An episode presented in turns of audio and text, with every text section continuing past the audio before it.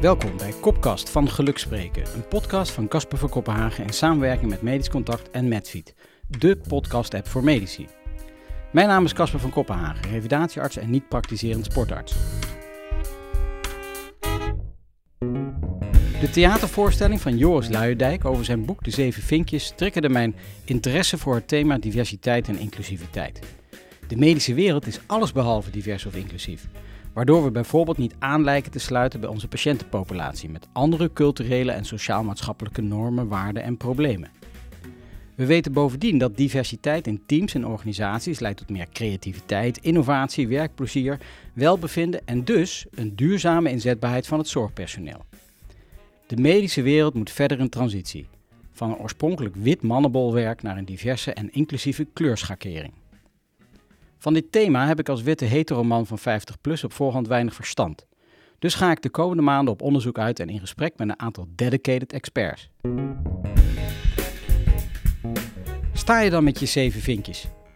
Hier, pak mijn arm. En wel je goede arm, Cas. Altijd houdt mijn vrouw mij overeind. Nu ook, stevig zelfs, op weg naar het theater. Het is april 2023. We gaan naar een voorstelling van Joris Luijendijk over zijn boek De Zeven Vinkjes. Ik zit al maanden thuis wegens een forse migrainestorm en een val van de fiets met schouderontwrichting.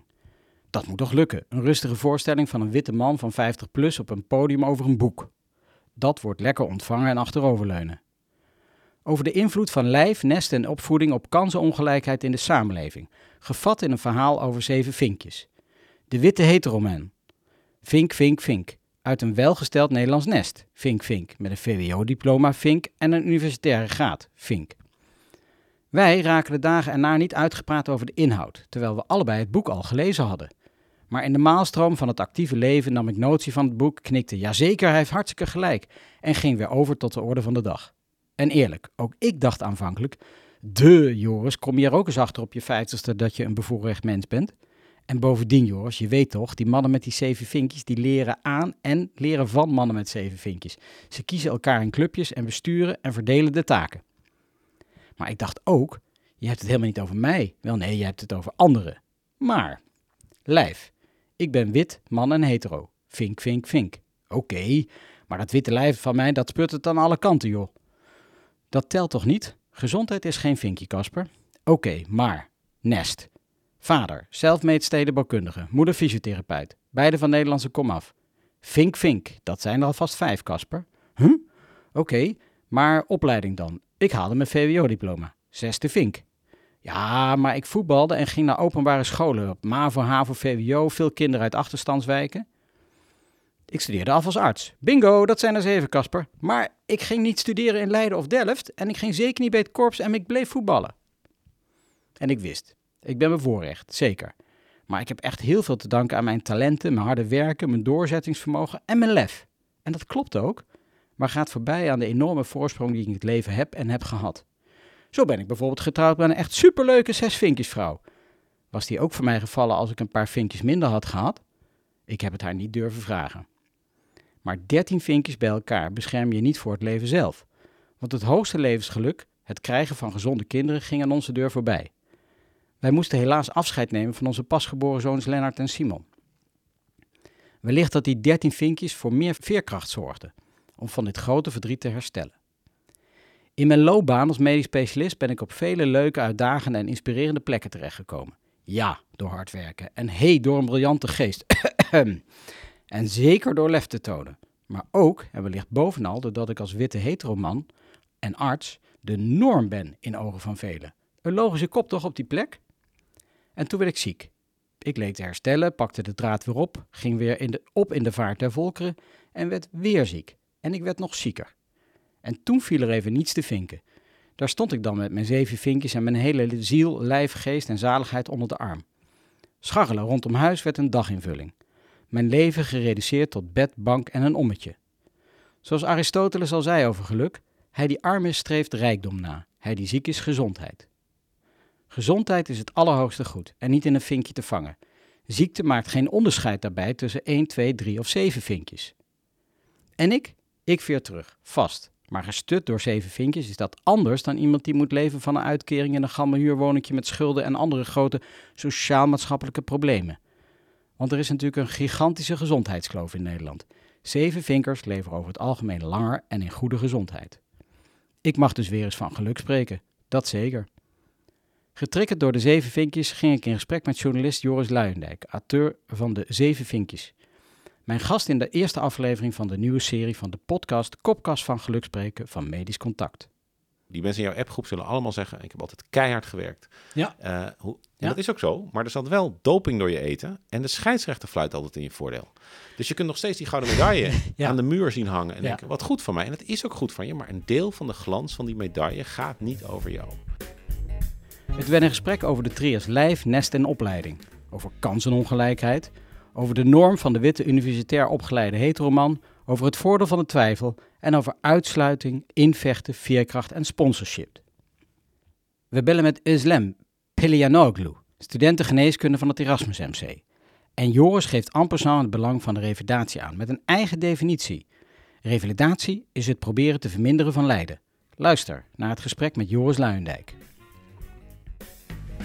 Wij bevinden ons in de studio, wou ik zeggen, maar we zitten hier in de uitgeverij Pluim, in het hartje van Amsterdam. De grachtengordel. De grachtengordel, het is hier prachtig Wij om me heen. Het drinken is hier wijn. Wat zei? Wij drinken witte wijn. Ja, wij, nou, ja, we zitten aan een glaasje water, want we zitten in een soort bunker. Maar het wemelt hier van de eh, bestsellers om me heen. Met eh, nou, onder andere eh, mijn gast, Joris Luijendijk. Een bestsellerschrijver van je welste. Je hebt er meerdere op je naam.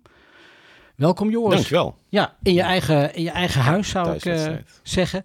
Ik heb je uitgenodigd omdat het in de medische wereld wemelt van de zes en zeven vinkers. En die hebben vaak niet in de gaten dat het zo is. Terwijl we met de poten in de klei staan. Wij zien eh, overdag alleen maar mensen met minder vinkjes, om het zo te zeggen. Ehm, en deze podcast heet Van Geluk Spreken. Ehm, dat heeft te maken met ehm, dat ik bezig was een podcast te maken en dat ik aan een student vroeg, wat wil je laten worden? En hij zei gelukkig. En toen dacht ik, oh, wacht even, dat is een mooi haakje. Ehm, en in eh, die podcast vraag ik altijd de mensen wat zij verstaan onder geluk. Dus Joris, Ja. eh, wat is jouw definitie van geluk? Ja, dus een, een, een, een inferieure staat van zijn. Een inferieure staat van zijn. Ja, dus ik denk dat het de hoogste is, denk ik, de, waar de boeddhisten naar streven. Dus dat je 100% in het heden verkeert. Eh, en dat is denk ik, heel, dat wordt helemaal niet gedekt door het woord geluk. Eh, geluk is denk ik, ja, het is van de ene, de- je, je kunt je er ook niet van bewust zijn, want dan ben je dus aan het denken aan geluk in plaats van dat je gelukkig bent. Dus je bent het dan dus zonder er je van bewust te zijn, maar dan zit je dus in een soort van flow of zo. Ja, Maar dan ben je dus ook niet helemaal niet bewust van jezelf. Want als je wel bewust van jezelf bent, dan houdt dat geluk ook meteen op, want dan is de flow er niet meer. Dus ik denk dat geluk is wat mensen najagen die bang zijn voor de diepte. en de leegte. Ook de leegte, eh, de diepte, de leegte. Eh, maar uiteindelijk het, ja, het, he- het heden, het, het eh, moe, eh, boeddhisme. Ja. Dus eh, ja, ik, eh, ik ben ook echt in de verkeerde eeuw geboren. Met al die- Ja, Hey, ik, ja. ik begrijp ook, jij bent ook gepromoveerd op dit soort vraagstukken. ja. Ja, ik, Ja. ik, ik zou nou ja, een- vanuit, vanuit de medische wereld. Ja, ik zei, ik ben eh, zeker niet de geluksprofessor. Die bestaat overigens. Hè? Ja. Professor Mijke Bartels hier in Amsterdam. Ja. Geluksprofessor, ja, daar, daar heb je niet zoveel mee. Nee, nee, nee, nee. Ik vind dat allemaal ook heel. Het doet ook allemaal alsof alle mensen hetzelfde zijn. En wat die geluksprofessoren allemaal gaan, gaan brengen met hun happiness studies, is dat ze gewoon uiteindelijk zeggen van nou, weet je, het onderzoek blijkt gewoon dat als je dit en dit en dit doet, eh, dan eh, wo- word je gelukkig en dat leidt tot eh, minder ziekte en dus lagere medische kosten. En dan zegt de verzekeraar, oh, maar als dat zo is, dan heb je voortaan maar te doen wat de geluksprofessor zegt, want uit onderzoek blijkt dat je dan gelukkiger wordt. En als je dat niet doet, dan betaal je een hogere premie. Ja, En dan gaat het dus in combinatie met big data is het echt een hele gevaarlijke ontwikkeling die ons gewoon allemaal in dezelfde soort stramien duwt. Terwijl we mensen zijn juist zo leuk omdat ze zo fundamenteel verschillend zijn. ja, dat maakt het spannend. Ja. Ja. Maar ja, ik zit in die medische wereld waar we meten is weten. Als ze uitroep, Ja. met een uitroepteken op ons voorhoofd hebben geschreven. Want dat moeten we ook doen van onszelf. Dat Ja. moeten we vooral doen. We leggen we onszelf op. Hè. We moeten meten wat we doen. En eh, Ja. black box van die geneeskunde. Want ik stop er een pil in en een prik. En dit en dit komt eruit. Ja, ik ben inderdaad daarop gepromoveerd. Omdat het me wel aardig leek om te kijken of we nou echt een bijdrage kunnen leveren aan iemands kwaliteit van leven. Nou is dat natuurlijk. Ik werk in de revalidatiesector. Voor iemand met een Ja. dwarslezing of een, een, een beroerte. Is dat wat makkelijker Ja. eh, en misschien wat concreter. Dat je toch wel wat toevoegt aan. Ja. Dat hopen we althans. Dat komt er ook wel uit studies, dat we een hele kleine bijdrage, maar het is natuurlijk een, met heel eens, een heel complex eh Ja, geheel. maar ik denk revalidatie is dus het, het proberen te verminderen van lijden. En ik denk dat dat is iets anders. Eh, en ik denk dat je dat nog wel enigszins kan kwantificeren. Maar als, je, als het voor het open veld, als ik voor het open veld sta en dan een geluksprofessor die gaat mij aanwijzen hoe ik Ja. moet lopen, dat vind ik, eh, dat, en dat collectief, nee, nee, nee, nee, dat moeten we echt niet willen. Nee, daar ben je zelfs een beetje bang voor. Zie je. Ja, ja, ja, want Dat, dat betekent Oh, gewoon dat dat de, de, de middelmaat, eh, die gaat gewoon, want die zijn we het meest, dus die gaan hun, hun gedrag, hun wensen, hun, eh die, dat wordt leidend. Ehm, en daar, daar mogen dus mensen die, die gewoon anders zijn, die mogen zich daar een beetje gaan, aan, gaan aanpassen. Of die moeten een soort label gaan opzoeken om te rechtvaardigen dat ze niet meedoen met de massa. Ja, dat is, ah, nee, nee, nee. Maar me- ik ben op zich niet tegen meten, hè, als je het maar gewoon niet groter maakt dan het is. Nee, als ze maar de, de relativiteit daarvan Ja, kunnen. nou ja, ja. Dat, is, dat is heel snel duidelijk. Want meestal zijn die kwaliteit van levensstudies. We, we nemen het mee, zeg maar. De meeste mensen nemen het mee. Ik heb er iets meer over nagedacht. En de geluksprofessor, Ma- Maaike Bartels ook. Ehm, maar het, het blijft natuurlijk iets heel vaags. En eh, we moeten ons, eh, ja, ons niet, niet rijk rekenen met de uitkomsten. Zo is het ook. Ehm, nou, eh, zei ik, het belangrijkste reden om je uit te nodigen was dat ik uit die wereld kom van zes en zeven vinkjes. Maar wat is dat dan eigenlijk? En daar had ik een eigen interpretatie van eh, gemaakt, maar toch wel volledig naar jouw eh, leer, om het zo maar te zeggen. Het gaat bij die zeven vinkjes om kansenongelijkheid. Dat is hè, wat je me mee duidelijk wilde maken. Hoe start je nou als je... Ja, nee. Nee? Oh, Nee. kijk. Ah. Nee, het gaat over norm. Het, en het, een uitkomst hiervan van dit alles is kansenongelijkheid. Maar daarvoor zijn ook hele goede boeken en zo. Daar moet je mij nou helemaal niet voor lezen. Maar er is dus er is in onze samenleving een soort norm. En waar jij samenvalt met die norm, merk je het niet. Dus ik, ik zit vaak voor, sta voor zalen en dan vraag ik nog wel eens aan mensen om die vinkjes te tellen. En dan heb je heel vaak dat de hetero's het vinkje hetero vergeten. Ja. Want daar vallen ze binnen de norm. Hebben ze nooit, Nooit over, over nagedacht. Ja. De LHBTI vergeten nooit het vinkje. En zo heb je, en, maar je hebt het ook met, met het laatste sprak ik met iemand met echt één of twee, eh, twee vinkjes. En hij zei van, waarom heb je VWO Gymnasium erbij? Want eh, universiteit vereist toch VWO Gymnasium, dus waarom apart? Dus ik zei van, nou, er gebeurt iets met mensen op dat VWO Gymnasium, als ze vanaf hun twaalfde te horen krijgen, jullie zijn de crème de la crème, jullie zijn heel bijzonder en zo. Hij zegt, oh ja, ja, ja. Hij had zelf gymnasium gedaan. Ja. Daar had hij nooit gevoeld wat er gebeurt als je tegen mensen moet, moet toegeven eh, dat je stapelaar bent. Terwijl heel veel stapelaars, die van HAVO, HAVO, VWO of MBO, die verbergen dat op hun cv. Ja. Dat is omdat die norm er is. Nou, er zijn nog meer normen. Bijvoorbeeld rond medisch is dat je bijvoorbeeld een gezond lichaam hebt. Dus heel veel mensen hebben mij eh, gemaild en geschreven en gezegd... besef wel hoeveel mensen op hun werk doen alsof ze gezonder zijn dan ze, dan ze zijn. Omdat ze hebben gemerkt dat als ze bijvoorbeeld klagen over hoofdpijn... dat dat gewoon echt meteen in mindering komt op gewoon hun populariteit, hun, hun gewildheid. Dus het is, je kunt eigenlijk erachter komen of je binnen de norm valt als je er nog nooit over hebt nagedacht. Maar als je er nog nooit over hebt nagedacht, ga je er niet, ga je er niet over nadenken. Nee, ja, ik, ik weet, je, hebt, je, je bent ettelijke keren geïnterviewd, maar dan haal je ook wel eens kruif aan. Hè? Je, je ziet het pas als je het door hebt of andersom. Dat is het natuurlijk wel. Als je het niet ziet, dus Ja. als je het niet weet, dan, dan En als je, het je helemaal het ziet, niet. als je het helemaal ziet, kun je het niet meer Nee. niet zien. Nee. Dus ik keek naar zomergasten met eh, wat, eh, Theo Maassen met die eh, cameraman Ja. die net Oppenheimer Ja, heeft fantastisch. gemaakt. Ja. En die, die vertelt dan zo heel onschuldig van hoe goed die klikt met eh, Christopher Nolan. En alsof hoe fijn dat is en zo. En ja, doordat ik dit boek heb geschreven, denk ik, ja, ja, ja. Maar heb je ooit echt bij stilgestaan? dat Als je dus in het lichaam van een meisje had gezeten, had Christopher gewoon niet met je geklikt. Nee. Misschien niet. Nou, kijk eens naar die Ja. films van hem. Er komt geen, geen, geen driedimensionale vrouw in die films voor. Oppenheimer is echt een seksistisch... Oh ja? Ja, oh, het ja. is echt ik, niet normaal. Ik dacht dat je ging zeggen, sinds ik eh, die zomergast heb gezien, zie ik pas wat een mooi beeld die man heeft gemaakt. Maar nee, dat- nee, nee, nee. Oh, Ik, zie, ik zie dan echt... Kun je dat niet meer zien dan? Ik Dat- zie dan dus echt een, een, een multivink witte man... die nog helemaal in die onschuld zit. Ja. En helemaal zich niet afvraagt van... hé, hey, maar wat, wat, waarom klik ik eigenlijk? En eh, je kan nog steeds met iemand klikken... maar ook wat loop ik artistiek eigenlijk mis aan invalshoeken... wanneer ik zo ontzettend lijk op de mensen met wie ik werk. En dat is nu echt, echt, een, echt een probleem in ons, in ons prachtland... is dat de mensen bovenin die de beslissingen nemen... vaak zo ontzettend op elkaar lijken. Met name sociale klasse, cultuur en, eh, en opleiding... en daarmee dus je vormende jaren. Ja, Dus Wat- het is echt normwerking. ja want, het- dus het gaat over de norm, niet zozeer over kansenongelijkheid. Maar als ik dat even, eh, even plat sla, die zeven van het... Mijn hemel, wat is het platgeslagen, dat boek van je. Het heeft heel veel teweeg eh, gebracht. En dus ook bij mij, want daarom zitten we hier. Ehm, hebben we de, de trias, lijf, eh, opleiding en nest. In die volgorde, lijst, eh, lijf, nest en opleiding. En voor het lijf geldt bij jou wit, man, hetero. Ja, hoef je, dus, hoef je dus niet in te vechten in een mannenwereld... niet in een witte wereld en niet in een hetero wereld. Nee. Dat, Want je zit er al in. dat is de norm. Ik ben de norm. Voordeel van Dan het, ja, dan het nest. Ik kom eh, uit een nest met één theoretisch opgeleide ouder of die is welgesteld. Ja, dus je, je, hebt, je bent, hoort eigenlijk al, als je straks eh hoog opgeleid raakt, hoor je al bij de sociale klasse waarin je wordt geboren. En je ouders kunnen je beschermen tegen onderadvisering, waarbij je gewoon la, naar een lager schooltype wordt gestuurd eh, dan je aan, aan kan volgens de test. Ze helpen je überhaupt om op die CITO-toets het beter te doen. Ze Ja. helpen je daar met je profielwerkstuk. Je hebt een eigen slaapkamer om je huiswerk te maken. Ja, want gisteravond had ik een discussie met eh, mijn WhatsApp-groepje, voetbal eh. En iedereen doet natuurlijk zijn best om zichzelf wat te down eh Ja, te downgraden. Dus een goede vriend van mij, we noemen hem niet bij naam, maar die zei: Ja, nee, ik heb er, ik heb er zes, want mijn vader was docent.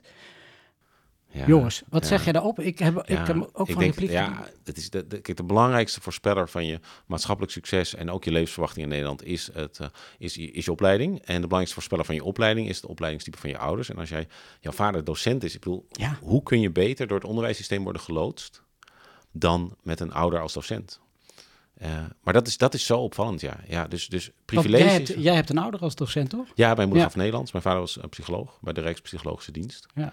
Ja, de, de lage, eh, nee, hoe heet dat? Literatuur langs mijn- naast mijn bed. En daarna, als ik het had gelezen, want ik, vond, ik ben een heel hoe heet dat, geïnteresseerd baasje, dus ik las dat met veel plezier. Dan had ik daar een gesprek over met mijn moeder. Nou, dat, ja, dat is, dat is ook dan, krijg je dus ook zoveel mee. En ja, het is ook heel verleidelijk om, om gewoon te denken van, ja, nee, maar dat, dat, dat, dat was er gewoon. En voor de rest heb ik heel hard gewerkt. En dat is ook zo. Die mensen in jouw appgroep zullen allemaal zeggen, ik heb altijd keihard gewerkt. Ja. Eh, hoe, en Ja. dat is ook zo, maar er zat wel doping door je eten. En de scheidsrechter fluit altijd in je voordeel. Dus je kunt nog steeds die gouden medaille Ja. aan de muur zien hangen. En Ja. denken, wat goed van mij. En het is ook goed van je, maar een deel van de glans van die medaille gaat niet over jou. Nee. En, En- dat, is best, en dat, dat is best een confronterende mededeling die je daar, ja, dat vind die ik je niet, daar vind, doet. hè? vindt lang niet Vind- iedereen nee, leuk en om daar heb je heel veel last van gehad. Maar nog even terug naar die zeven vikken. Want je hebt ze alle zeven, hè? Want je bent Ja. een mannelijke hetero eh, in een wit lijf. En dat lijf, daar komen we nog een keertje op terug. Eh, Ja, ouders cultuur. docent, eh, gestudeerd aan de UvA, politicologie, geschiedenis, Arabische en religieuze antropologie. In Amsterdam dus. En afgestudeerd. Dus dan pam, pam, pam. Dan begin je de arbeidsmarkt met zeven vinken. En dat heeft jou geen windeieren gelegd, om dat op Nee. zijn goed Nederlands te zeggen. Je hebt allerlei eh, prijzen gewonnen met jouw boeken die je geschreven hebt. Met je correspondentie van het Gouden Pennetje tot, eh, tot aan eh, de Dick Scherpenzeelprijs. En de Prix des Assises de Journalisme. op zijn Philip Frederiks uitgesproken. Je mocht zelfs zomergasten presenteren. Ik denk ook vanwege die prijzen, denk ik, of vanwege dat goede boek. Ehm, het zijn het mensen, was dat goede boek volgens ja, mij. dat moest er nog uitkomen. Oh, dat moest er Ja. nog uitkomen. Ja. Nou, dan had je je toch al met andere zaken be- bewezen. Ehm, maar daarna begint het. Want daarna ga je naar eh, jouw eh, droombaan bij The Guardian in Londen. Je verhuisde er met je gezin heen. Daar heb je een prachtig boek over geschreven. Ook weer gelardeerd en gelouterd en eh, gewaardeerd. En eh, een bestseller van je welste. Dat kan niet waar zijn onder bankiers. Daar vielen ook vele schellen van de ogen van de mensen. Ehm, maar eh, jij kwam ook tot een, tot een grote constatering in, in Londen. Dat het niet zo was als jij gehoopt had. Het was een tegenvallen van je welste. Nou ja, het, het, lag nog subtieler, want het, mensen deden echt hun best om mij te laten slagen, want ik was de protégé, het beschermelingetje van de hoofdredacteur. En als dus, ja, je kon via mij ook bij de hoofdredacteur komen. Dus het was echt, ik werd dus niet gediscrimineerd. Sowieso had ik een man, wit, eh, een witte hetero mannenlichaam, maar waar het op misliep was dat ik gewoon die cultuur niet kende. En eh, dat ik die sociale klasse niet had, die jeugd in die sociale klasse. En dat ik ook de netwerken niet had uit de Britse universiteiten. Dus toen ik ook op een gegeven moment iets stoms zei, waardoor ik een redacteur economie tegen me kreeg, kon ik niet eigenlijk mensen spreken die hem kenden, om eigenlijk een soort verzoening Ja. tot stand te brengen. Dat hele netwerk had ik niet, dan die codes had ik niet en zo. Toen besefte ik ook, je had mij nooit kansengelijkheid kunnen geven. De belofte aan immigranten van Mhm. kansengelijkheid is een fictie. Dat kan helemaal niet, omdat de cultuur is zoiets subtiels. Dat is echt wel wat meer dan een beetje trommelen en koken en kleren aandoen. Dat gaat gewoon over hiërarchie, beleefdheid. eh, hoe, hoe escaleer je als je een antwoord wil op een e-mail? Eh, hoe zorg je dat je in het juiste team wordt uitgenodigd? Hoe neem je het woord? Hoe besef je dat je terwijl je het woord hebt genomen... je maar beter meteen kan stoppen? Hoe lang lach je om een grapje? Al dat soort dingen. Ja, En daar heb je gewoon twee generaties voor nodig. Dat betekent dus niet dat je, dat, dat rechtvaardig is van discriminatie. Maar die belofte is een fictie. En dat merkte ik daar echt van. Ja, ik, ik, en, en ik werd dus ook steeds slechter in mijn werk. Ik werd onzeker. Ik, mijn stem werd steeds dunner. ja, Ehm, ja. Dat, eh, En toen, toen ja, dat allemaal in, de, in dezelfde tijd, of eh, even later kwam, eh, dus MeToo, eh, de LHTBTI-beweging. eh, Black Lives Matter. En toen besefte ik van, hé, hey, ik heb daar bij die Guardian een soort iets meegemaakt wat zeven vinkje mannen misschien zullen herkennen. En waarmee ik ze eigenlijk kan meenemen in een verhaal op een manier die ze nog niet kennen. En ja, toen ben ik heel veel onderzoek gaan doen. En ja, toen viel ik ook wel van de ene verbijstering in de andere. Zowel hoe dat, dat dingen zo waar, zoals onderadvisering of lage lettertijd. Maar ook gewoon dat ik daar gewoon niks van wist. En toen kwam ik dus op dat concept van Gloria Wekker, de professor van onschuld. Ja. Dus dat je dus als kind ben je van geen kwaad bewust. Maar als volwassene, als je van geen kwaad bewust bent, dan is dat wel omdat je je leven zo hebt ingedeeld. eh, dat je van geen kwaad bewust wil worden. Bijvoorbeeld doordat je zegt dat je het boek De Zeven Vinkjes echt niet hoeft te lezen, want dat weet je allemaal al. Ja. En ik kom nogal wat zeven vinkje man. Ik zat gisteravond weer in de auto met eentje. Die zegt, ja jongens, ik heb al je boeken gelezen. Ik ben echt zo'n fan. Vind je het zo leuk met je in de auto te zitten? Ja, alleen die laatste niet. Nee, daar had ik gewoon geen zin in. Ah, Ja, ik had gewoon geen zin in. Dat Ja. weet ik ook allemaal al. ja.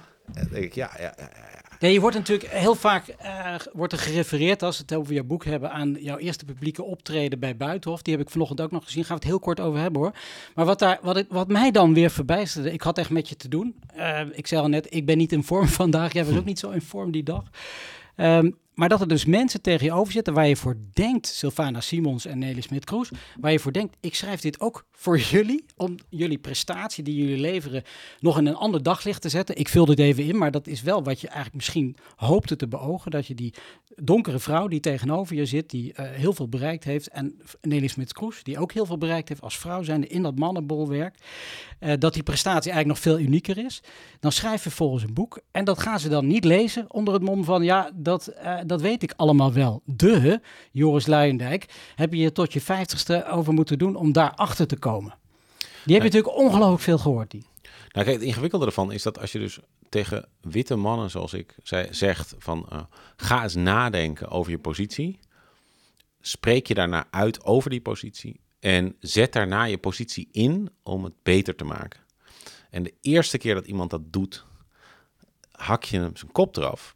Eh, dan st- stuur je het signaal naar andere witte mannen. Wij zeggen wel dat wij willen dat jullie gaan nadenken en je uitspreken, maar dat willen wij helemaal niet. Terwijl er dus ontzettend veel activisten zijn die dat echt willen. De, bijna alle mensen die met diversiteit en inclusie bezig zijn, die, die willen ontzettend graag dat witte mannen gaan nadenken over hun positie. Want Ja. zij moeten gaan veranderen, zodat ook de rest van de bevolking kan bloeien. Dus dat was een, een valse start. En wat ik bij eerdere boeken had, dat ik de kans kreeg om, om op, eerst op tv een paar minuten te vertellen wat er in het boek stond. En daarna kan de controverse beginnen. Maar als je dus de inhoud overslaat en Ja. gaat- je gaat meteen naar de controverse, Ja. dan gaat het alleen maar over die controverse. En daarna denken mensen, oh, dat, weet ik allemaal, wel, dat weet ik. En ze wilden het toch al niet lezen.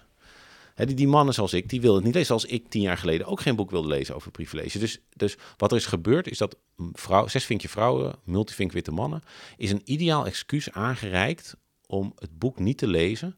Waarvan ik zou zeggen, als je nou één boek van mij leest, lees alsjeblieft deze. Ja, want het is bedoeld voor ons, toch? Het is niet bedoeld Ja. voor die mensen met, met minder Met- met vinkjes, anderen, want, want die wisten dat al. nou zo. ja, dat Ja. oh, je vergeet niet, kijk, als jij homo bent, weet jij niet hoe het is om laaggeletterde ouders te hebben. Nee. Hè, je hebt dus wel, je hebt uitsluiting heeft een generiek deel, maar het heeft ook een specifiek deel. En vormen van uitsluiting zijn echt heel verschillend. Eh, op cultuur is weer echt iets anders dan op kleur bijvoorbeeld. Het is heel raar hoe we die in, in één bak hebben gegooid.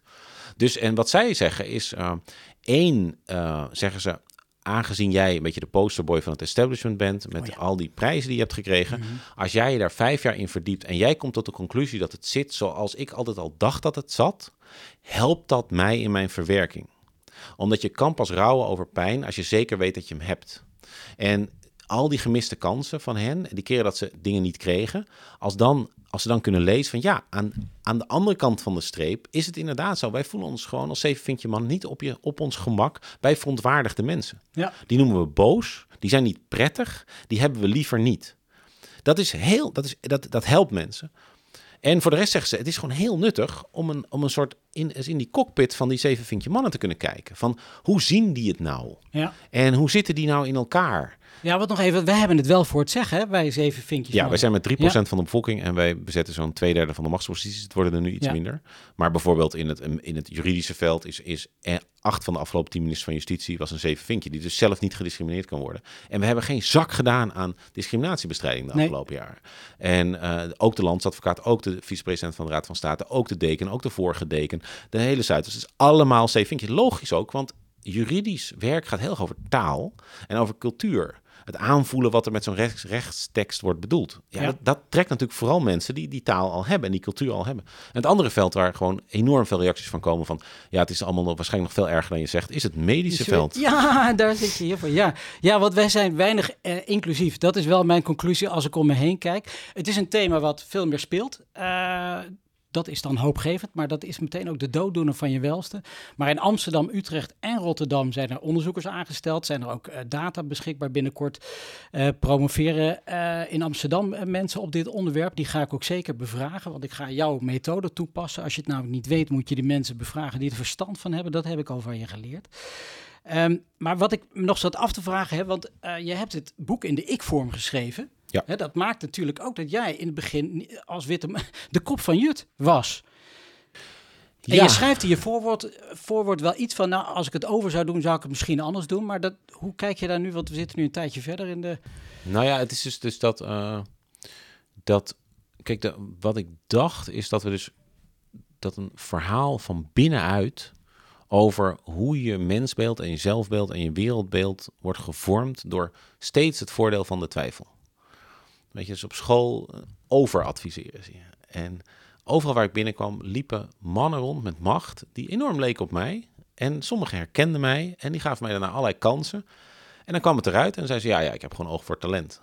Maar ze zagen Ja. alleen talent dat verpakt kwam in een lichaam en een cultuur en een sociale klasse die ze herkenden. En dus, dus ja, dat dat eh, niet is gelukt om dat gesprek te voeren, is denk ik omdat het gewoon te vroeg kwam.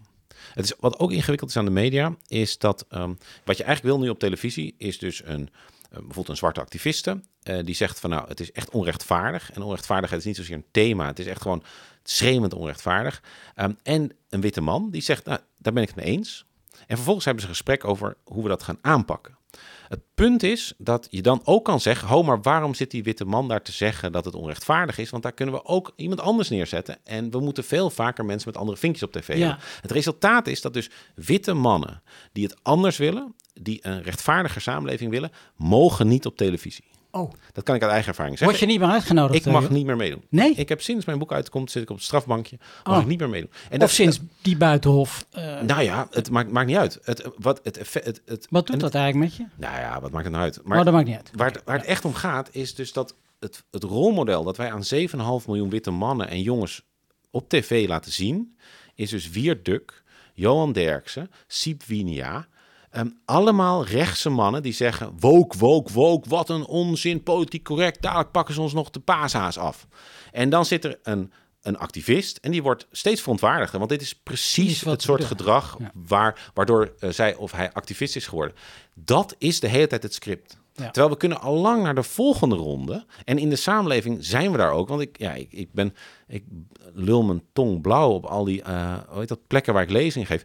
Waar mensen gewoon zeggen van hoe gaan we het oplossen? Ja, Maar de media willen alleen maar iemand die zegt dat het zo is. En iemand die zegt dat het niet zo is. En, dat- vervolgens zeggen nou mensen, zoek het zelf maar uit. ja, dus in de media gaan we het niet oplossen. Nou ja, de media zijn gewoon op een hoop vlakken eh, lopen ze altijd achter. Maar omdat de media gaan over hoe wij denken over de media, ja, wordt dat ja, zelden benoemd. ja. Hè, weet je, zo'n eh, de toeslagenschandaal is ook niet uit door de media. Het was, het was omzicht die het, eh, die het aan. eh, ah. en het is echt wel dat toeslagenouders de media hebben proberen te bereiken. Echt wel, ja. Ja, nog, nog heel even terug, want we, je begonnen over de medische wereld. want We kunnen het wat Ja. kleiner en compacter maken. Dat is Ja. al, die is al complex genoeg, genoeg. En je zit hier tegenover een dokter en die zijn natuurlijk als eerste, net als al die andere mailtjes die je krijgt, ja, maar je vergeet gezondheid en eh, be- beperking. Nou, ik ben revalidatiearts. We werken met mensen die met aangeboren en verworven beperkingen hebben. Maar als ik naar mezelf kijk, had ik nog eh, één ding wat ik even met je wilde delen. Ik denk dat gezondheid het allerhoogste goed is. En dus eigenlijk niet in een vinkje te vangen heeft. Ja. Is, want gezondheid kiest niet eh, een, een zevenvinker of een viervinker uit. Je wordt ziek of je wordt niet ziek. Ja. Dat is natuurlijk niet helemaal waar. Want de hoogopgeleiden leven langer en leven langer gezond. Ja. Dus er zit natuurlijk, eh, je, je hebt op vele vlakken heb je een voorsprong als je zeven vinkjes hebt. Ja. Ehm, ik zelf ga door een vreselijke periode de afgelopen maanden, kan ik je Ja. geruststellen. Ik, dat is ook wel eens nog erger geweest in mijn leven. Ehm, ik ben getrouwd met een eh, gelukkige, vrolijke eh, zesvinker van je welste. Ik heb me wel eens afgevraagd, als ik nou wat minder vinkjes had, had ze me dan ook nog zo leuk gevonden. Maar ja, wij starten ons gezamenlijk leven met 13 vinkjes. En dat is eigenlijk een, dat dat zou een voorbode moeten zijn voor alleen maar voorspoed. Nou, dat, uh, het meest gelukkige wat we ons konden wensen uh, waren twee gezonde kinderen. Dat was ons niet gegeven, die hebben we moeten verliezen. Och. Maar we zijn ook weer teruggekeerd uh, tot op een uh, zeker goede hoogte. En ik denk wel, zeker na het lezen van je boek en, jou, en jouw voorstelling gezien te hebben, dat dat grotendeels komt door die zeven en uh, zes vinkjes die we tot onze beschikking hebben. Dat harmonieuze nest waar we uit voortkomen met veel liefde. Liefde is ook zo'n mooi vinkje wat je nog zou kunnen bedenken, is vast ook wel al aan je voorgeworpen. En nu, ik ben ongezond. Uh, op de as we speak, zeg maar. Ik hoop dat ik daarvan terugkabbel, maar het kan ook zijn dat dit het is, dat ik het hiermee te doen heb. En um, ik realiseer me te degen, en ik hoop dat ik dan jouw boek goed begrepen heb, dat ik uh, vast terugveer naar een niveau waar ik mee kan leven. En dat die zeven vinkjes die ik achter mijn naam heb, het een stuk makkelijker maken dan iemand die onverzekerd in Rotterdam-Zuid uh, zonder inkomen uh, de wereld moet aangaan. Heb ik het dan een beetje goed begrepen? Ja. Nee, ja, ja, ja ik zit dus misschien een boel ellende op een hoopje, maar ja. Ja, ik, en ik ga nu ook heel erg overheen over die, echt, je vertelde me een paar dingen die, ja. die me heel verdrietig maken, uh, terwijl het mij niet eens is overkomen. Ja, dus dat, uh, dat, ja, ik bijna, bijna een minuut stilte voorhouden of zo. Maar de, als ik dan weer een bruggetje maak naar de abstractie. Dat mag. Um, wat je ziet in onderzoek is dat als witte mannen um, te maken hebben gehad met echte kwetsbaarheid, dat ze daarna veel beter kunnen zien waar ze onkwetsbaar waren. Dus een, een zevenvinkje man met die altijd gezond is geweest en uh, twee gezonde kinderen, blijkt als je die, als, en daar zet een controlegroep tegenover en je neemt een stel Polen die zich hier hebben ingevochten, een stel homoseksuele mannen, een stel arbeiderszonen, een stel mensen met stevige uh, neurodivergentie, met stevige uh, fysieke tegenslag. Al die anderen met andere vinkjes kunnen veel beter zeggen: Oh ja, nee, maar natuurlijk is het een voordeel dat ik een witte man ben. Ja. Ja. Dat, dat is echt dat is wetenschappelijk dat is, uh, die, dat is, uh, statistisch significant. Het is een, een voorspellende waarde. Als, als uh, hier een Poolse witte man, Servische witte man, die zegt: Ja, natuurlijk is dat een voordeel. Wat denk je, man? Ik ben opgegroeid in een hartstikke arme wijk. Veel van mijn vrienden zijn van kleur. Ja, ik kom die disco wel binnen, zij niet. Ik krijg die stage wel, zij niet. Zij weten het helemaal. Um, en dus, dus wat jou, en je wenst het niemand toe, op geen enkele manier. Maar jij, jij hebt een, een mate van wijsheid verworven door je tegenslag. tegenslag als je, wat je nu tegen me zegt. Ja, maar ik merk ook, want dat is dan de rol die je neemt, dat als je daar, uh, ik was ook altijd een binnenvetter, als je dan daar opent, ja, dan heb je, dan heb je meerwaarde. Uh, en, en je hoeft niet een goede psychiater te zijn uh, als je een psychose hebt gehad, of andersom, je moet, dat je eerst een psychose hebt om een goede psychiater te zijn. Maar wat jij de mensen volgens mij uh, toewenst, uh, is wat meer uh, levenservaring. Dus wat meer harder voor moeten knokken. Als heb ik dat goed begrepen? Nou ja, het is wel, dat is zo apart. En ik heb dus ook, want, want um, wat, je, wat je natuurlijk ook bij je kinderen graag wil, maar bij alle mensen, is dus zelfreflectie. En inderdaad aanpassingsvermogen, incasseringsvermogen, vechtlust, veerkracht, inlevingsvermogen. Al die dingen. Mm -hmm. Hoe krijg je die? Uitsluiting. Er is echt niets helpt zo goed bij het opbouwen van iemands karakter als uitsluiting en tegenslag. Ja. En dat zie je ook. Hoe minder vinkjes, hoe knapper je prestatie. De, de, er komen nu steeds meer, hè, ze, ze, ze marcheren naar boven. De mensen met echt andere vinkjes die nu op allerlei hogere niveaus komen. Dat zijn formidabele figuren. Ze moeten wel met hun trauma's hebben afgerekend. Als ze, als ze niet ja, maar dan ook... zijn ze niet formidabel, toch? Dan, nou ja, ja dan, dan, ja. Hebben ze nog, dan, dan hebben ze nog heel veel last van die wonden. Maar dus, dus als het ze gelukt is om die achterstand in te lopen... hebben ze opeens een enorme voorsprong. Gewoon in levenservaring. En, en dat maakt mij dus ook wel heel optimistisch voor de toekomst. Dat ik denk, als dat er komt... Het ingewikkelde is hun kinderen. Zij gaan namelijk hun kinderen in die 6-7 vinkje wereld oh. eigenlijk net zo'n onbezorgd leven mm. geven. Dus ik zie heel vaak in de zaal, dan zegt, zegt zo'n vrouw van mijn leeftijd, ik ben 51, die zegt, ja, ik herken het type, ik vecht eigenlijk mijn hele leven al als werkende moeder met precies jouw soort mannen, niet vooruit te branden, altijd uitgaand van het voordeel van de twijfel, niet voorbereid, onwijs grote bek, altijd weer mazzel krijgen en zo. Ja, ik ken ze helemaal en ik word ook gek van ze en zo. En dankjewel voor het inzicht in ze. Maar ik denk nu aan wat er thuis bij mij op de bank zit. En, ik, en daar zit gewoon een 16-jarig zeven vinkje in de maak. Want ik ben er met alles aan het helpen. Met bijlestraining uh, en met ja. examentraining. En met alles de open dag. Ja. En, en daarna naar hockey. En een stage regelen. Al, mede, al die dingen voor hem regelen. Terwijl ik eigenlijk besef dat door al dat seksisme... ik wel echt geworden ben wie ik ben. Maar dat is ingewikkeld. Ja, want je wil je kinderen, niet dus, te doen, hè? Je wil je kinderen nee, beschermen ja, ja. tegen kwetsbaarheid. Terwijl kwetsbaarheid is... En je wil dat ze het beter hebben dan jij?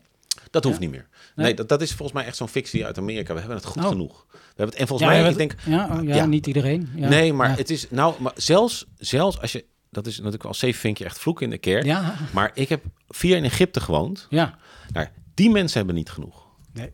Als jij hier een dak boven je hoofd hebt, je hebt toegang tot medische zorg, je hebt toegang tot onderwijs, je hebt geen honger. Bloody hell. Kijk eens even wat ver dan de Nederlandse grenzen. Eh, en dat is wel, dat, dat is het privilege, is altijd zien wat anderen hebben. Je Nederlands paspoort maakt jou wereldwijd een zevenvinkje. Ja. En dan kun jij een zwarte lesbienne zijn. Je bent nog steeds een zevenvinkje, want je zit in de NAVO, je zit in de EU, je zit in de euro, je zit in het Hof van de Rechten van de Mens. Je hebt toegang tot, je hebt recht op een woning, je hebt recht op zorg. Je hebt recht, het is veel, je hebt veel minder dan ik, maar ik ben niet representatief. Nee. Dus dat is Maar, wel, wel, maar, maar hier wel de norm. Dat is, de, Ja, dat is toch ook ja, wat je altijd onderstreept. En de norm. Want ik heb me dat ook natuurlijk zitten eh, afvragen. Ik, ik ben op allerlei plekken geweest in mijn, in mijn leven, in mijn loopbaan ook. eh, bestuurder gezeten. Ik ben hoofdredacteur geweest van een wetenschappelijk tijdschrift. Maar dat komt, tuurlijk, door keihard werken, lef tonen, getalenteerd zijn, een briljante geest bij wijze van spreken. Maar ook doordat ik gewoon de norm ben. Want als ik ergens kom binnenlopen, ben ik die witte man eh, van 40 plus, zeg maar, na alles wat ik bereikt heb. En pas ik op die plek. Ja. En ben ik anders dan een, een homoseksueel of een, eh, iemand van Surinaamse komaf of een vrouw, eh, om het maar eens wat te noemen. Hoewel in onze wereld, wat hoopgevend is in de medische wereld, die vrouw op dit moment de boventoon voert. Ja. Is dat hoopgevend overigens, Joris? ja, ja, als zie je dus, die, dat is die verschrikkelijke sociologische wet, dat zodra vrouwen ergens eh, de meerderheid vormen, de status van dat beroep daalt. Dat is echt, Ja. ja. En Maar wat, je, wat je net allemaal... Het is, sorry, het is een Ja. heel mooi linkje naar eh, iemand die ik al een tijdje wil bellen. ja. En Wie, dat, is gaan Eus- we, dat is Euslem. wie gaan we nu Ja, wie gaan we nu eens bellen? En als het lukt, want ze zit in Turkije. En Oh, Özlem wow, is een ja. student van de Erasmus eh, MC. Het linkje voor deze hele podcastserie. En zij ehm, ehm, heeft buiten de uitzending om, eh, die ik gemaakt heb met haar, verteld over de mate van discriminatie, de mate van uitsluiting die zij voelde tijdens haar kooschappen. Ehm, daar heb ik ervoor be- eh, behoed om dat eh, uit te, te zenden. Maar ze heeft natuurlijk wel een mening over. En gelukkig eh, is er steeds meer sprake van dat er gehoor aan Dat is wel een hele heftige zin die je daar gebruikt. Ja, nou, dat je haar behoed hebt. Ja, nou, dat, dat wa- was mijn komma. Jordan. Fucking hell. Ja. Ja. Ja. want wie ben ik om haar te behoeden? Nou, andersom. Eh, ik ga even uit van je goede dingen. Eh, jij kent die wereld goed. Jij weet wat de effecten zullen zijn. En, eh, ik, ik, zou je een, eh, ik zou je denk ik eerder complimenteren dat je dat hebt gedaan. Het is dat die wereld zo is. Dat jij haar moet behoeden Ja, oké, voor haar ja. naïviteit. Dat Ja. ze gelooft dat als ze dat eerlijk zegt, dat ze daarna nog een eerlijke kans Ja. krijgt. Ja. Dat is Nederland anno nu, hè? ja. Nou, ik voelde me ook even die zeven vinken die, die zeggen van ho, ho, ho. Eh, moet, je, moet je dat nou wel doen, eh, Ja, meisje? ja. Gaan we dit, eh, meisje ook? Jij zou er last van krijgen ook. Dat weet ik niet. Misschien heb ik dat ook, in alle eerlijkheid heb ik, is dat ook wel een motivatie geweest. Maar ik dacht, dit moeten we goed aanvliegen. En dat gaan we nu ook doen. Daar heb jij de aftrap voor gegeven. En we gaan ook spreken met de mensen van het Erasmus die hier onderzoek naar hebben gedaan. En ook het woord discriminatie in de mond nemen. Ja. Ik ga toch even bellen, iets later dan ik had gepland. Ik hoop dat ze opneemt, want ze zit in Turkije. ja. Hoi, dit. Nee, Laat tuurlijk me een niet. Neem ze niet op. En ik doe het nog een keer. Ja, mensen, dit is echt, eh hoe heet dat? Ron Vlon dit met Jacques. Plafond. Ron van Vlon. De rond met is Jacques Plavon. Dat is Dat ook... maakt jou dan Willemine Kutje junior met dubbel T. Ja, en er zijn nu honderden luisteraars die denken, waar heb je het in hemelsnaam om? Zoekt u het Ja, alsjeblieft op. Mensen, dat is nou, eh, zeg maar, als je de Nederlandse cultuur hebt. Minstens één ouder met de Nederlandse cultuur en minstens één ouder met de universiteit. Dan weet je bijna zeker. En je Randstad. Dan weet je, denk ik. En, en onze leeftijd. Dan weet je wie ja, Wim T. Schippers was. Ron met Jacques Plavon. Ja, op woensdag. Ja, Van 4 tot 6. Wat was dat goed. ik heb haar net aan de lijn gehad, zul je altijd zien, voordat alles misging, zeg maar. Ja. Özlem is op vakantie. En die denkt ertussen, ja, je zou me bellen. Ja, of die is even... eh, Hallo met Özlem. Özlem, je spreekt met Casper van Kopenhagen. Ja, je treft een opgewekte en blij figuur. Want ik ben blij dat je opneemt. Ben je aan het eten? Nee, ik eh, zit eh, rustig in mijn kamer. Oké, Özlem, ik stel je even voor aan Joris Luijendijk. Hey Eslem. Hier is Joris. Hi Joris. Hallo. Hoor je ons goed? Jazeker. Ik heb je net bij de luisteraars uh, geïntroduceerd als zijnde de Erasmus-student in het uh, MC, waarmee we al in de kopkast van geluk spreken, spraken, om het zo te zeggen. En uh, ik heb jou uh, het boek van Joris gestuurd en jij hebt dat bestudeerd. Um, mm -hmm. En heb daar een vraag over. Maar eerst moet je me vertellen waar je op dit moment bent. Ja, um, ik ben momenteel aan het genieten van een lekkere lange zomervakantie. Ik ben net terug van een weekje Istanbul met een goed vriendinnetje. En ik zit nu in uh, Kayseri, dat is de geboortestad van mijn ouders. En ik zeg altijd dat het ongeveer een uurtje zit van Cappadocië, de, het ah. gebied met alle luchtballonnen. Vaak herkennen mensen dat dan wel. Ja, dat is een, een, toeristische attractie van je welste, toch? Ja. Ga je daar dan ook heen of is dat een stomme opmerking? Uh, nou, dat is wel het plan. Ik ben er al eerder keer geweest. Zowel in de winter als de zomer. En het is echt een prachtig gebied. Dus dat is nog wel op de planning, ja. Usman, ik vind het fantastisch dat je uh, in je vakantie zelfs de tijd neemt om, uh, om ja. een bijdrage te leveren aan deze podcast. wat zou je graag met Joris willen bespreken? Um, ja, ik heb dus een uh, vraag over je boek De Zeven Vinkjes. Maar voordat ik mijn vraag wil stellen, wil ik even mijn complimenten geven over het boek. Dankjewel. Casper heeft me dus uh, een exemplaar gestuurd. En um, hoewel ik niet zo van de boeken ben, moet ik zeggen dat ik het een heel goed boek vind. Ik ben er nog bezig mee. Um, en hè, niet zowel omdat het onderwerp heel hot is, uh, diversiteit en inclusie, maar ook de voorbeelden die jij in je boek geeft. Wat ik zo goed vind van het boek is dat jij dus uh, hè, voorbeelden geeft zoals als jij niet wit bent of geen man bent, dan beschrijf je een soort van korte verhaaltjes daarover. En uh, nou ja, ik als een, nou, zou ik zeggen, een 2 3 vinker, um, vind die voorbeelden heel herkenbaar. En vaak hebben mensen van hè, iemand vanuit, nou ja, ik zou even zeggen, een blank persoon, die dan vanuit uh, uitgangspositie van anderen praat, daarvan zeggen ze vaak dan, hè, wat zou jij er nou van weten? Je kan het niet inbeelden. Je zou je niet kunnen voorstellen hoe wij het ervaren. Maar ik vind dat jij dat juist wel heel goed kan doen. Dankjewel. Dus dat uh, wil nou. ik even zeggen voordat ik mijn vraag stel. Ja, ja stroop rond lippen. Dus nu mag, mag het wat kritischer, nou, maar fantastische uh, analyse. En uh, dank dat is daarvoor. Een groot compliment. Dankjewel. Ja, um, nou, ik heb een soort tweeleden vraag eigenlijk. Um, als eerst denk jij dat wij ervoor kunnen zorgen dat nou mensen zoals jij, dus zevenvinkers, meer bewust zullen worden van hun positie?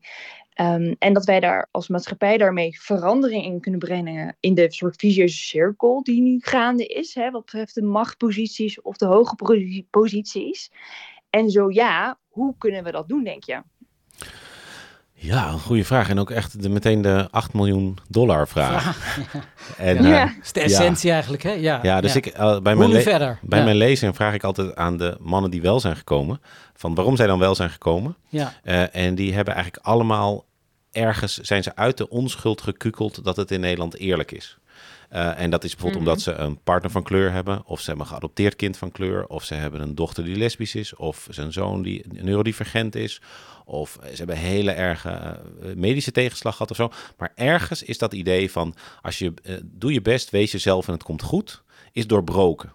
En vervolgens is er ja. een bal gaan rollen. En dat is natuurlijk ingewikkeld, want je, ja, je uh, moet je daarop gaan wachten. He, die, die, heel veel, voor heel veel van die zevenvinkje mannen is het nog steeds veel veiliger om niks te doen en niks te zeggen, mm-hmm. dan om het verkeerde te zeggen.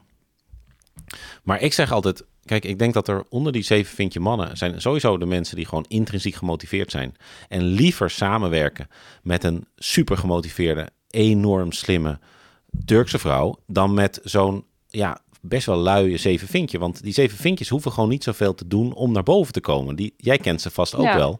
Dat je echt denkt van ik haal bij jou twee vinkjes weg en je zit hier niet meer. Uh, ja. En dus een aantal zeven vinkjes.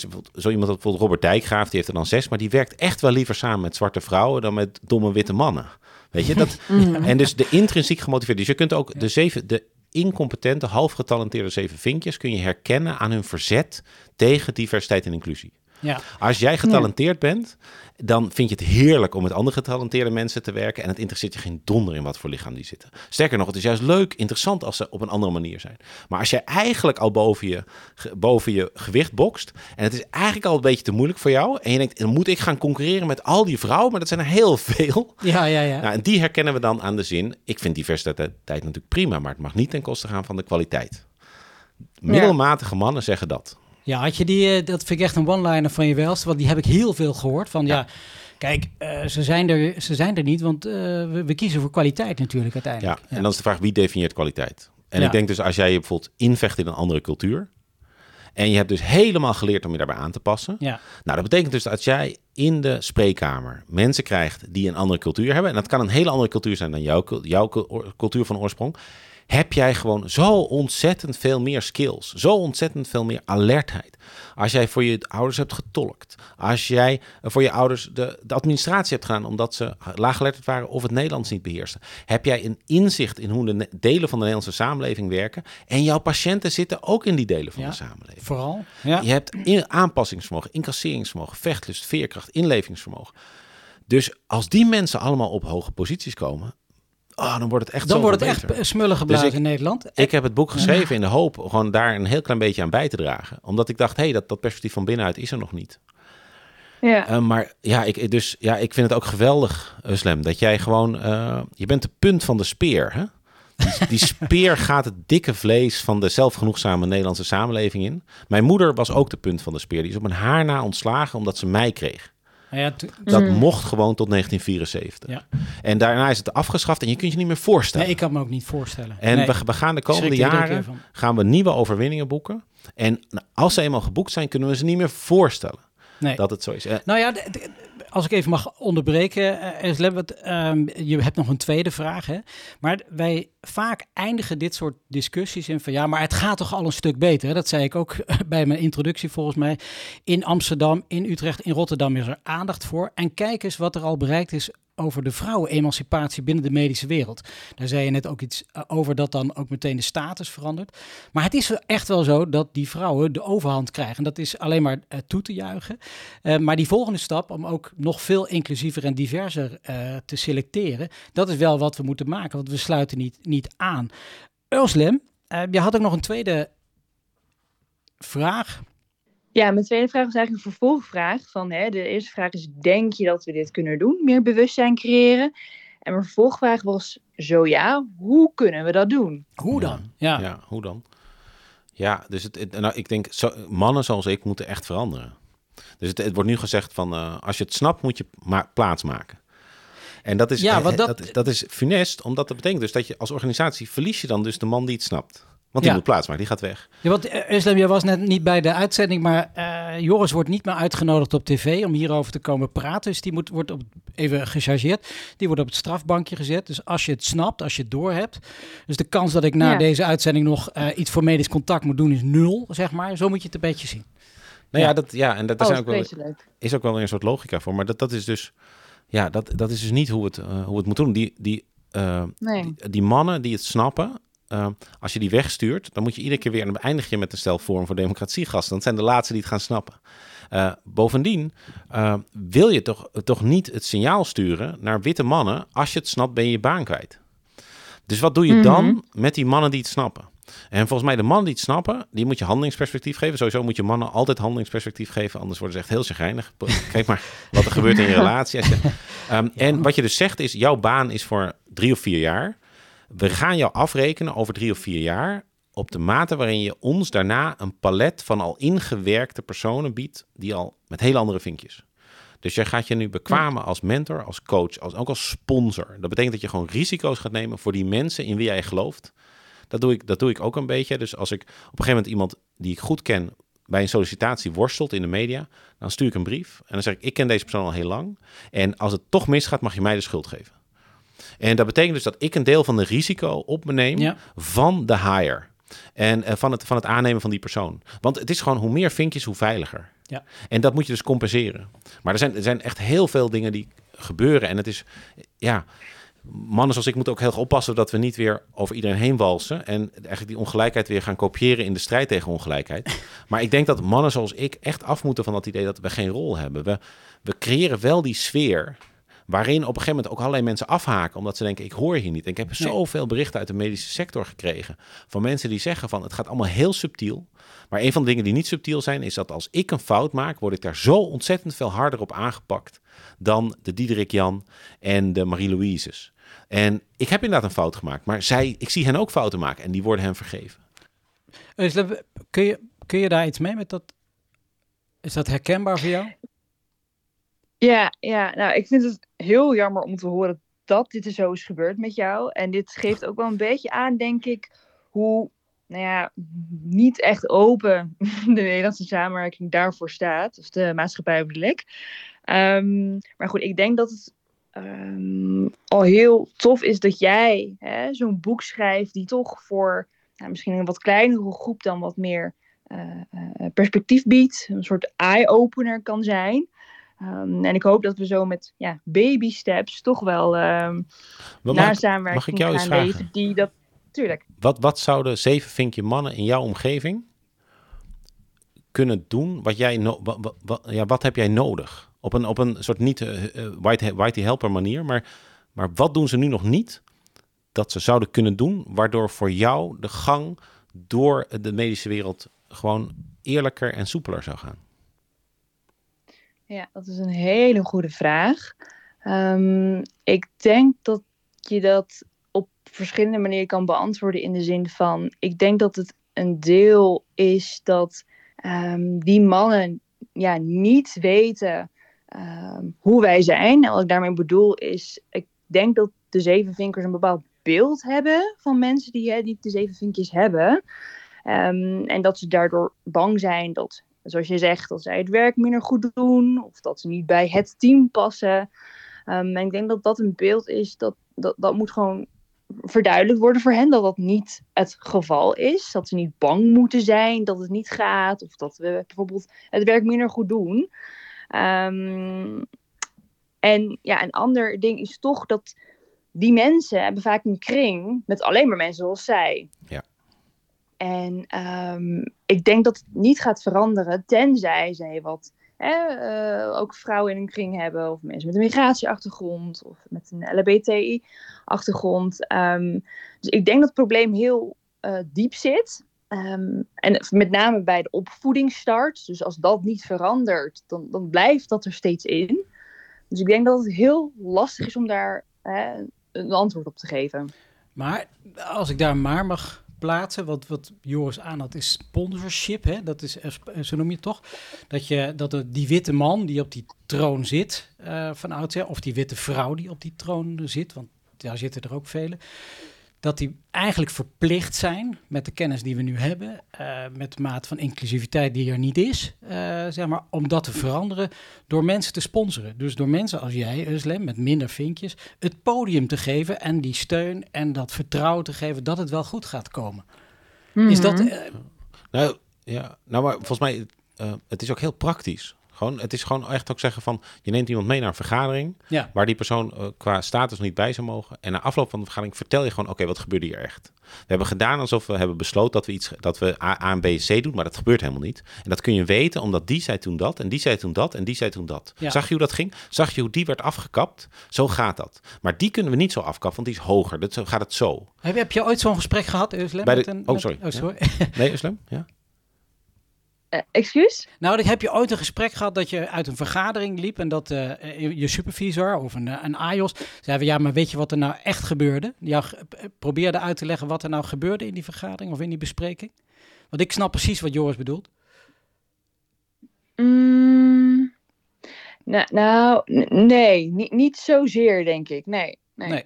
Nou ja, kijk, dat, is een, dat zou een eerste stap zijn. Hè? Dat je gewoon iemand onder de arm neemt en op plekken mm -hmm. laat komen waar die eigenlijk niet hoort. Maar ja, dat is wel een consistent. Je zit, je, je zit hier in de podcast. Nou ja, dat is, ja. zou je kunnen zeggen, daar hoor je niet in. Nou, je hoort er ontzettend in, want het draait om jou. Het draait om de toekomst. Dus ja, dit soort dingen moeten we doen. Zei Uslim dat, dat ze er niet in deze podcast hoorden? Nee, dat zei ik natuurlijk. Oké, okay, die, die, ja, nee, anders die, moet ik echt ingrijpen. Vinker, ja. Ja, ja. Je, je, je, hoort er zeker in. Ja. Ja. Uh, Uslim, herken jij dat, uh, wat ik wel eens heb gehoord bij, met name, want ik weet niks van je ouders, maar met, uit uh, meer conservatief neigende Turkse ouders, dat ze hun kinderen vaak uh, uh, opvoeden met een hele hoge waarde voor bescheidenheid. En dat. Ja, ja, ja herken je dat? Mm -hmm. Nee, dat, dat, dat, herken ik zeker. Um, ik denk dat je dat. Uh, dat dat best wel een groot deel is van de niet-westerse migranten zelfs. Dus het Midden-Oosten, Azië denk ik zelfs. Um, ja, dat, dat is een beetje inderdaad cultuur, denk ik. En dat, je, dat, dat wij meer uh, van, van wij zijn dan ik. Hè? Dat we aan elkaar denken en niet aan onszelf alleen. Um, maar maar wat, wat, wat, waar wilde je naar werken met deze vraag? Nou, het was omdat ik dus een van de dingen die misschien sommige zevenvinkjes die luisteren, die zitten vaak in een soort zichtbaarheidscultus. Dat uh, ze vinden mensen goed die zichtbaar zijn. En mm -hmm. wat ze vaak niet beseffen is dat zichtbaarheid is heel erg, heeft heel erg te maken met vinkjes. En dat een ja. zichtbaar iemand is meestal niet iemand die bescheiden is, terwijl bescheiden mensen zijn hele goede leiders. Mm -hmm. En dus ik vind bescheidenheid oh, zo geweldig. Heb, heb je dat wel eens gehoord? Ja. Dat je, ja, heb je wel eens gehoord dat je, de, je zichtbaarder moet zijn? Uh, nee, maar dat is denk ik een beetje uh, uh, speciaal voor mij in de zin van... ik ben iemand die best wel um, ja. sterk in de schoenen staat. Ik kan zowel heel bescheiden zijn als nou ja, echt mijn bek opentrekken, om het even zo te zo, zeggen. Op zo'n Rotterdams, um, ja. um, ook in mijn kooschappen heb ik echt vanaf dag één gezegd tegen mezelf van... Hè, Uslim, probeer echt uit je comfortzone te stappen. En um, wees niet die bescheiden, stille co. En ik heb gelukkig sinds mijn eerste dag al feedback gekregen van... nee, je bent heel uh, uh, proactief en assertief. Dus voor mijzelf zit dat er niet in. Maar ik kan me voorstellen dat voor heel veel andere nou ja, co-assistenten... of mensen met een migratieachtergrond, überhaupt student, dat dat wel het geval is. Dat ze niet voor hunzelf kunnen of willen opkomen omdat ze dan bang zijn dat eh, dat, dat een uh, uh, prestaties gaat, uh, negatief gaat beïnvloeden. Ja. Um, terwijl, nou ja, even een autochtone Nederlander, die is natuurlijk opgevoed van eh, je moet voor jezelf opkomen, ik, denk aan jezelf. Um, en niet aan de ander, zeg maar. Het kan ten koste gaan van de ander. Maar als jij maar op goede plekken komt, dat is wel heel anders in de opvoeding, denk ik. Ja. ja. Ah, dat is mooi. Want het is inderdaad, dus, want wat nu vaak zo is, is van we gaan Uslim de kans geven om uh, net zo assertief te worden als Joris. Ja. En, en mijn echte droom is dus dat Uslim, jij dus ook niet, als je het wil, moet je het natuurlijk doen, maar dat je dus niet anders hoeft voor te doen dan je zou willen zijn. Mm -hmm. Zie je dus, de, maar dat is ook weer ingewikkeld. Dan ga ik een beetje tegen jou zeggen hoe je je moet ontwikkelen en zo. Maar ik weet bijvoorbeeld zelf van uh, iemand van wie ik heel veel hou in mijn uh, directe omgeving. Die, die wil heel graag leiden. Eigenlijk leiderschap. Haar leiderschap is heel stil.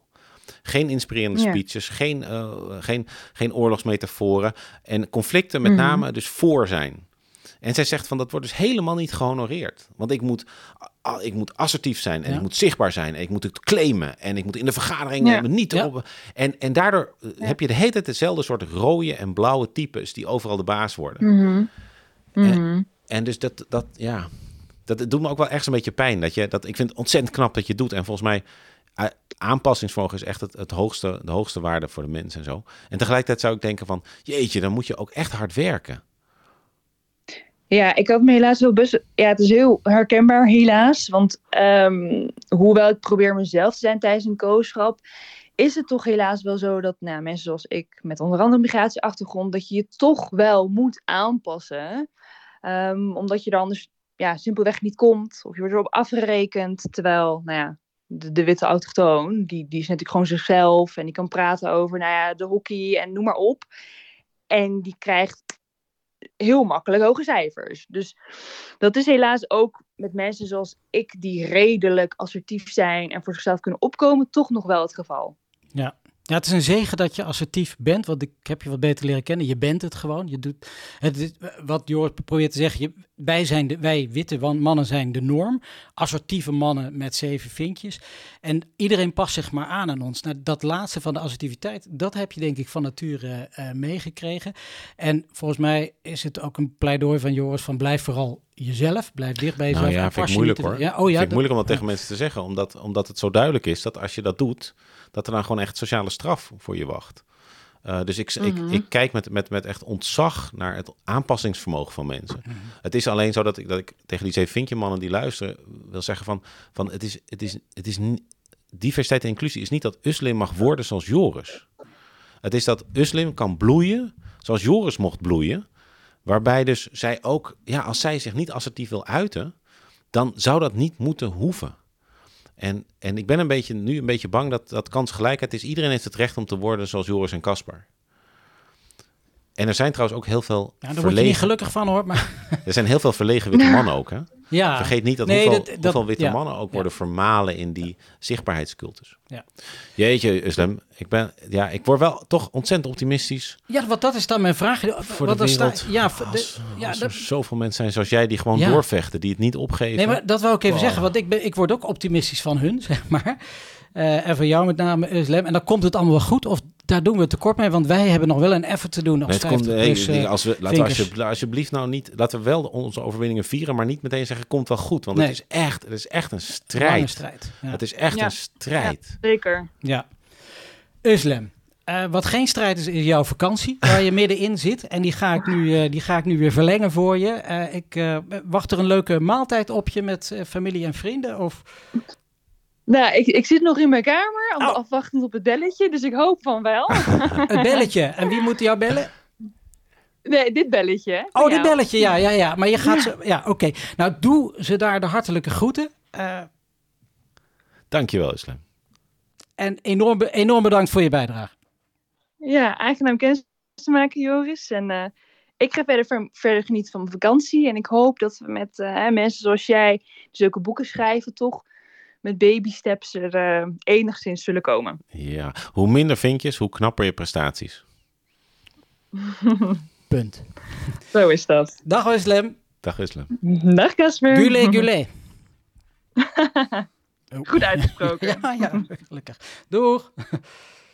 Ehm, dat was Uslem. Ja, verfrissend eh, toch, maar het, het kan ook een dooddoener zijn van het komt wel goed, maar het komt alleen goed als we met z'n allen ons best doen, toch? Ja, er moet echt nog veel gebeuren. En voor- er is ook een hele terugslag broeit. Hè? En eh, in Amerika al veel meer. Dat het recht op abortus wordt teruggedraaid. En, en dat discriminatie wordt eh, steeds geaccepteerd. Dat zit nu in de Tweede Kamer. Eh, dus het is echt wel, ja, ik denk zeker de middelmatige zeven vinkje mannen, die voelen nu wel echt van, oh jee. Ja. Eh, en die gaan wel proberen andere groepen te mobiliseren. Eh, daarom hoop ik ook dat we, dat we sociale klassen gaan integreren in ons denken over, over eh, diversiteit en inclusie. Want als jij dus opgroeit als witte man in een klein dorpje ergens in Drenthe met een gebroken gezin, een laaggeletterde vader of moeder, helemaal geen geld, ondergeadviseerd. En vervolgens krijg je, als je je toch helemaal door die opleiding knokt, krijg je te horen, nee jongen, voor jou is er deze generatie geen plek. Jij moet maar eens gaan nadenken over je privileges. Dat zo iemand naar de PVV loopt of naar Forum, kan ik ook wel weer voorstellen. Want die persoon heeft een mate van, van uitsluiting ervaren op sociale klassen. Ja, dat is echt. En die heeft dus ook heel veel aanpassingsvermogen. Die is anders gaan praten, die is anders gaan gedragen en zo. Uh, dus, dus alsjeblieft mensen, neem sociale klassen mee. En uh, Lianne Mulder, die uh, binnenkort ja. promoveert, fantastisch. Die echt. ga ik ook spreken. Lianne Mulder is echt mijn, uh, mijn avatar superhero. Oh. Um, ja, ik wil echt eigenlijk gewoon een soort... Uh, een soort, uh, zo bij Marvel. Lianne, als je luistert, maar dat ga je doen, want je gaat komen in deze podcast. Zij is zo goed. Ja. En, en ook zo, laat zich ook niet gek maken. En zo vrolijk te midden van al die uh, domheid om haar heen en zo. Ja. Maar die heeft zo duidelijk gemaakt dat sociale klasse een van de allerbelangrijkste voorspellers is van of je in de medische sector er doorheen dringt. En dat die discriminatie, weet je, Gerrit, Piet en Henk, die voelen ook allerlei vormen van uitsluiting in de medische wereld. Want die hebben andere jeugd gehad en andere dingen. En die praten verkeerd. En, die, en dus, dus laten we niet, laten we hen erbij trekken. Ja. In plaats van dat we, ze, dat we ze onterecht in de hoek gooien van de Wopke Hoekstra's en de Mark Ruttes.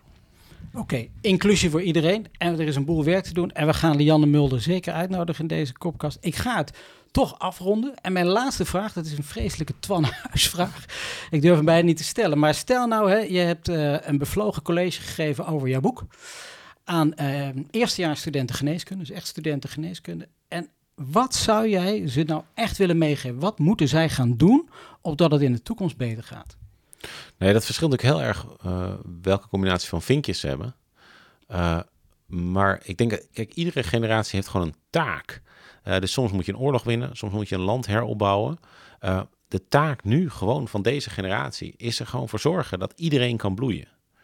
En daar zit iedereen anders in. Voor sommige mensen is het genoeg om het vol te houden. Als jij twee vinkjes hebt en je houdt het vol in de medische wereld, is dat al genoeg. Want met jouw aanwezigheid verander jij de wereld al om je heen. Heb je er zeven, dan kan je zo ontzettend veel van die positie inzetten om anderen te, anderen te ondersteunen, de, de weg te wijzen zoals jou de weg is geweest. Dan kunnen ze daarna kiezen of ze die weg ook willen. En ik kan gewoon alleen uit eigen ervaring zeggen dat dat sponsoren, mentoren, coachen is ook gewoon echt heel vervullend. Je maakt contact met mensen uit een hele andere wereld. En ja, sommige van die mensen die ik begeleid, dat zijn inmiddels gewoon huisvrienden geworden. En uh, dus ik wil het niet als een transactie voorstellen, maar het verrijkt je leven intens als je buiten die bubbel gaat. Dit is niet alleen een advies voor de studenten, maar ook voor de, voor de medische wereld. Ja, want Uslim is ja. echt een goed punt hoor. Over die sociale wereld van de medische de, de mensen. Dus artsen die in hun, in hun eigen, in hun avonden, hun weekends, hun vakanties doorbrengen met alleen maar mensen zoals zij. Daar begint het al. Ja. je moet gewoon bij vrienden van wie je houdt zien wat het aanricht als het onrechtvaardig is. Want dan voel je die, die urgentie om er wat aan te doen. Oké. Joris, heb je nog iets op je leven wat je nog kwijt wilde? Je hebt al een boel van je leven gesproken, om het zo maar te zeggen. Ja, als even vind je, klets ik al verder. Ja, ja, ja, ja. Ja, ja, het is, ja, eens kijken, wat wil ik nog verder? Nee, volgens mij. Uh, nee, ik vind het, wat ik, als ik iets zou mogen veranderen in het boek, dan zou het zijn dat ik meer gewicht zou geven aan het feit dat gezondheid natuurlijk gigantisch is. Ik noem dat nu twee of drie keer in het boek. Ja. Ehm, en omdat ik ook, wat jij ook eerder zei, van, van gezondheid is zo groot en zo multidimensionaal, mentaal, fysiek. Uh, het is, sommige dingen zijn niet, niet te researchen ook. Ik weet niet of, of Mark Rutte mentaal uh, een ziekte heeft of zo. oh, sorry. Het, het, dat kun je allemaal niet weten. Ja. Uh, maar op de manier waarop het boek naar buiten is gebracht, lijkt het alsof ik denk dat gezondheid er niet toe doet. Nee. En dat is natuurlijk totaal niet het geval. Het is meer dat je alleen recht kan doen aan gezondheid in een heel apart boek. Maar als ik daar mensen die luisteren mee heb gekwetst, dan hoop ik echt dat ze uh, mijn excuses aanvaarden. En dan is het zaak dat iemand dat misschien een keer gaat opschrijven, zodat we dat boek uh, kunnen lezen en bespreken. Nou, dat zou ik echt heel interessant vinden. Oké. dat zou ik echt heel interessant vinden. Ja, nou, misschien samen met jou. Ja.